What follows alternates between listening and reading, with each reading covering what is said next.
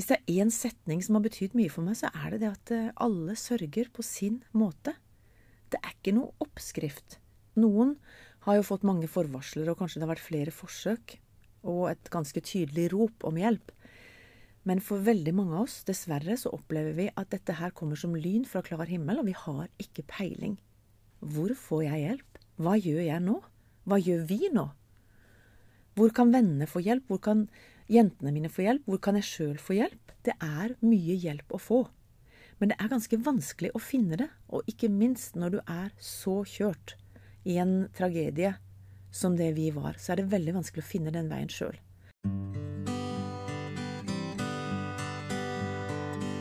Hei, og velkommen til Selvmordspodden.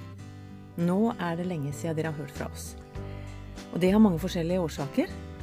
Det ene er at det har vært ferie. Og for første gang på mange år så har jeg også faktisk tatt meg ferie. Og siden mye av Selvmordspodden er one man band, som det heter, så blir det litt sånn at når Anner tar ferie, så blir det ikke så veldig mye andre ting som blir gjort på Selvmordspodden. Bortsett fra nettverksbygging, det å få nye, spennende mennesker som er villige til å fortelle sin historie. Og det stopper jo ikke fordi om ikke vi poster nye episoder. Men jeg har tenkt på lenge at jeg hadde lyst til å fortelle dere litt om hvordan det er to år etter at vi mistet vår Thomas i selvmord. Det er ganske utenkelig at det har gått to år.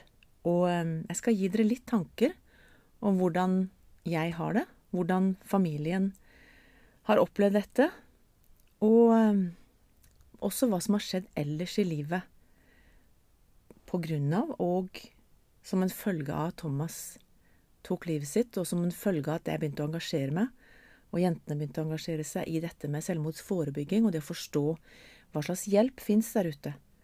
Både til den som sliter, og til familien, som også sliter på sin måte i etterkant. Så det er litt sånn forskjellig som jeg skal prøve å gjøre i løpet av en ca. 20 minutters episode. Så håper jeg at det kan hjelpe noen av dere til mer forståelse om dette veldig vanskelige temaet. Det er altså to år siden det utenkelige skjedde i vår familie. Jeg tar utgangspunkt i en Facebook-post som jeg laget den 9. august 2021. Det er nå to år siden det utenkelige skjedde i vår familie. Gutten som alltid smilte, som alltid var midtpunktet når familien samles, orket ikke leve mer. Og det vet jeg at jeg har snakket mye om i Selvmordsbåten.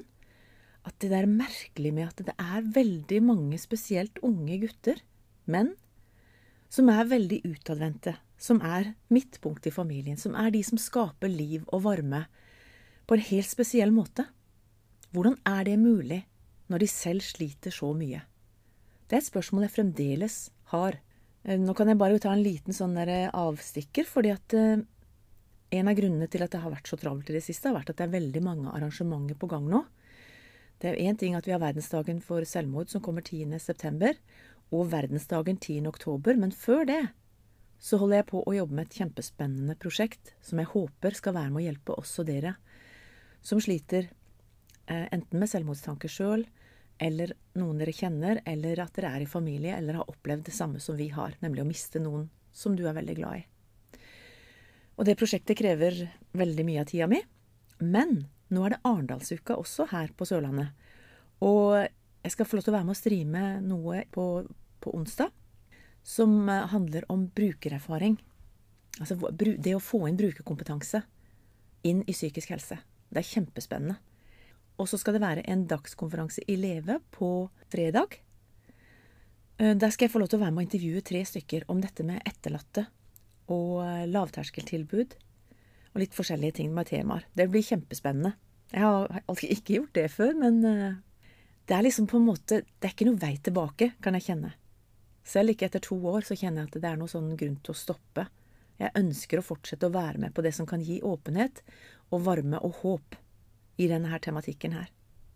I de to årene som har gått, så har vi alle lett med lupe for å finne ut hvorfor Thomas ikke kunne si noe om at han hadde det så vondt. Han hadde jo et godt liv. Han var vellykka, og han hadde så mange som var glad i han. Jeg vet ikke om noen av dere kjenner dere igjen i dette her, men de tingene jeg skrev på Facebook, handler egentlig veldig mye om ikke bare Thomas, men også veldig mange jeg har snakka med, Og det er rart når du opplever noe sånn. Det er kanskje ikke så veldig rart, da. For de jeg tok kontakt med i etterkant, det var jo mennesker som jeg visste hadde opplevd dette. Og mitt spørsmål var hvor får jeg hjelp? Hva gjør jeg nå? Hva gjør vi nå? Hvor kan vennene få hjelp? Hvor kan jentene mine få hjelp? Hvor kan jeg sjøl få hjelp?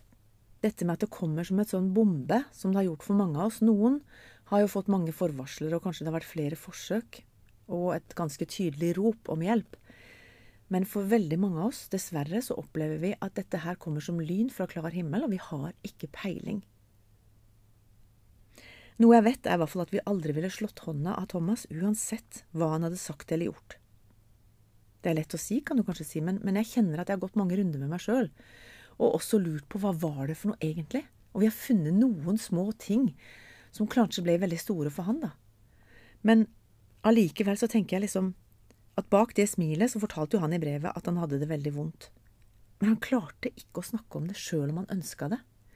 Og det er en av kjernene av det jeg tenker hvorfor kan man ikke snakke om dette med at man har det kjipt og vanskelig? Thomas hadde tre søsken, eller han har tre søstre.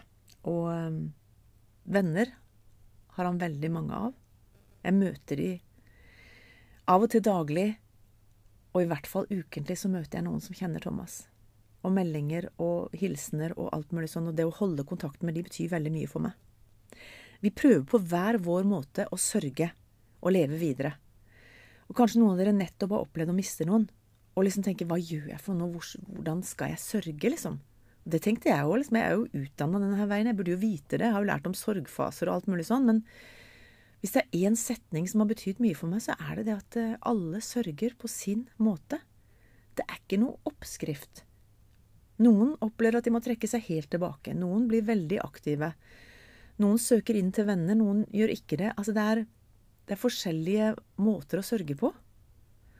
Og jeg opplever nok mer å kjenne meg igjen i det som snakker om bølger. At det kommer perioder hvor jeg må trekke meg mer tilbake og kjenne den derre dype, dype, dype smerten over å ha mista en gutt som jeg var så enormt glad i. Mens andre ganger så kan kanskje folk tro at, eh, at ikke vi sørger, fordi det syns ikke på utsida. Men livet blir aldri det samme. Vi har det ikke på noen måte bedre uten deg, Thomas. Vi har det vondt hver dag fordi vi savner deg, og vi er fortvila over at ikke vi kunne hjelpe deg. Det er en liten hilsen midt til Thomas, og det, det har jeg fortsatt med. Jeg snakker til han. Jeg tar han med på oppturer og nedturer i livet og sier 'her skulle du vært, Thomas'. Thomas, dette hadde du likt.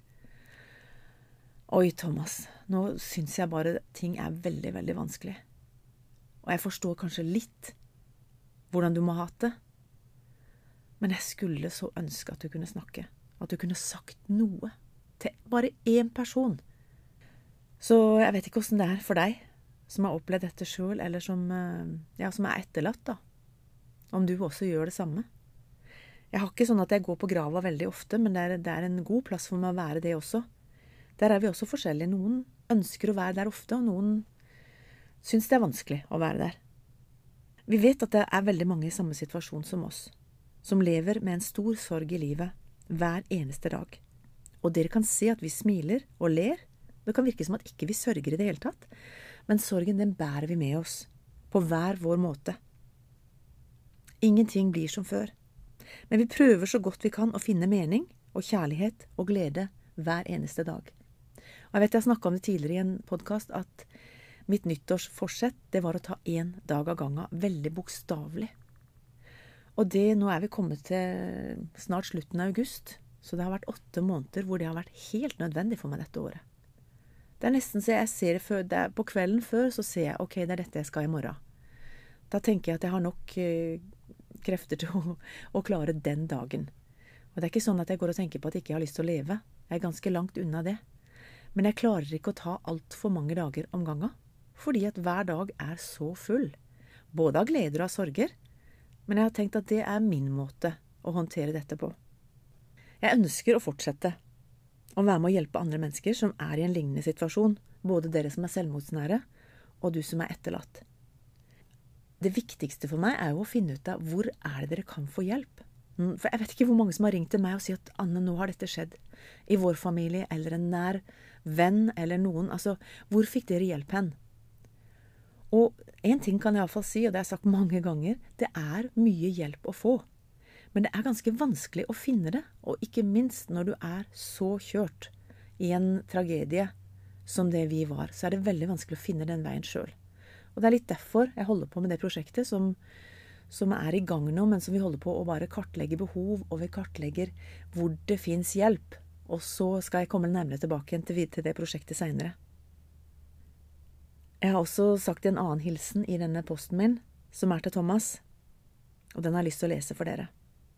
Thomas, du har gitt meg så mye i de 27 årene jeg fikk lov til å kjenne deg. Du har vært en veldig god sønn, bror, onkel og venn. Jeg takker Gud hver eneste dag for deg, for alt du har betydd for meg og for veldig mange rundt deg. I dag har jeg tent to LED-lys for deg. Jeg måtte jo ha noe som var litt typisk deg. Og det med disse LED-lysa og bling-bling og alt mulig sånn, Thomas var jo en showman. Og det er det også mange som har fortalt meg, at det er et, at det er et, sånt, det er et liv og en energi rundt mennesker som man ikke aner sliter samtidig. Så kanskje skal man være mer obs til å spørre også de som du ikke kan se det på utsida på, men har du det greit? Jeg lurer på, Det går egentlig ikke an å bare være så blid som det du er hele tida. Kanskje du kan dele noe som har vært vanskelig for deg, med en person, og si at eh, jeg har lyst til å spørre deg, har du, har du kjipe dager, eller har du noe som jeg kan hjelpe deg med? Før jeg avslutter denne episoden, så må jeg bare si at eh, det har vært to veldig tøffe år. Det har vært år som jeg liksom Eller dager som jeg ikke har visst om åssen jeg skulle komme meg gjennom. Det har vært sorg som plutselig treffer meg. Veldig ofte hvis jeg møter et menneske, eller hvis noen sier noe, eller jeg ser noe som minner meg om Thomas, så er det beintøft. Og det kan virke som at to år er mye, men når jeg snakker med mennesker som har opplevd dette sjøl, så sier de 'Å, det har nettopp skjedd', ja. Så to år er på en måte ikke mye, men samtidig så føles det som en evighet. Det føles som en evighet siden jeg har klemt han. Og sett han inn i øynene. Og, og vært med min skjønne sønn. Nå blir dette en veldig personlig podkast, men uh, det er jo noe av det som jeg ønsker. At man skal ha mer åpenhet. At jeg ikke skal være så redd for å fortelle om både sårbarhet og alt som er. Og samtidig så ønsker jeg jo inderlig å fortsette arbeidet med å være en stemme for de som ikke makter å fortelle sjøl, og det å skape åpenhet om viktige temaer. Og jeg håper at ved at jeg er åpen Nå har jeg opplevd mange som sier 'Gullan, jeg kjenner igjen stemmen din', og det, bare det er nok til at jeg kan si at 'Å ja, men er det på TV Lillesand du har hørt den, eller er det på Jeg driver en podkast Jo, det er den podkasten, da. Og det er liksom Det er en måte for folk å begynne å bare si at jeg hører på den. Og så er det kanskje en liten åpning til å gå videre og si, for min del i hvert fall, at uh, har du mista noen sjøl? Og så er det jo enten det, eller at mennesker har, uh, har mye tanker rundt det sjøl og sliter. Så det er jo det som er drømmen, hvis jeg kan kalle det det, eller i hvert fall håpet videre, at Selvmordspodden kan være med og gi deg en stemme. Du hører at det er andre mennesker som har det på samme måten, både som etterlatt og deg som sliter med disse tankene. For um, vi ønsker å gi masse mennesker mulighet og håp i den vanskelige situasjonen dere er i. Så jeg lover å fortelle mer både om dette prosjektet og hva som skjer videre. Og vi skal ha mange spennende som har takka ja til å være med og bli intervjua. Men uh, først og fremst så må vi bare få prosjektet litt opp på beina, og så skal jeg love at jeg skal komme tilbake med flere spennende historier og intervjuer.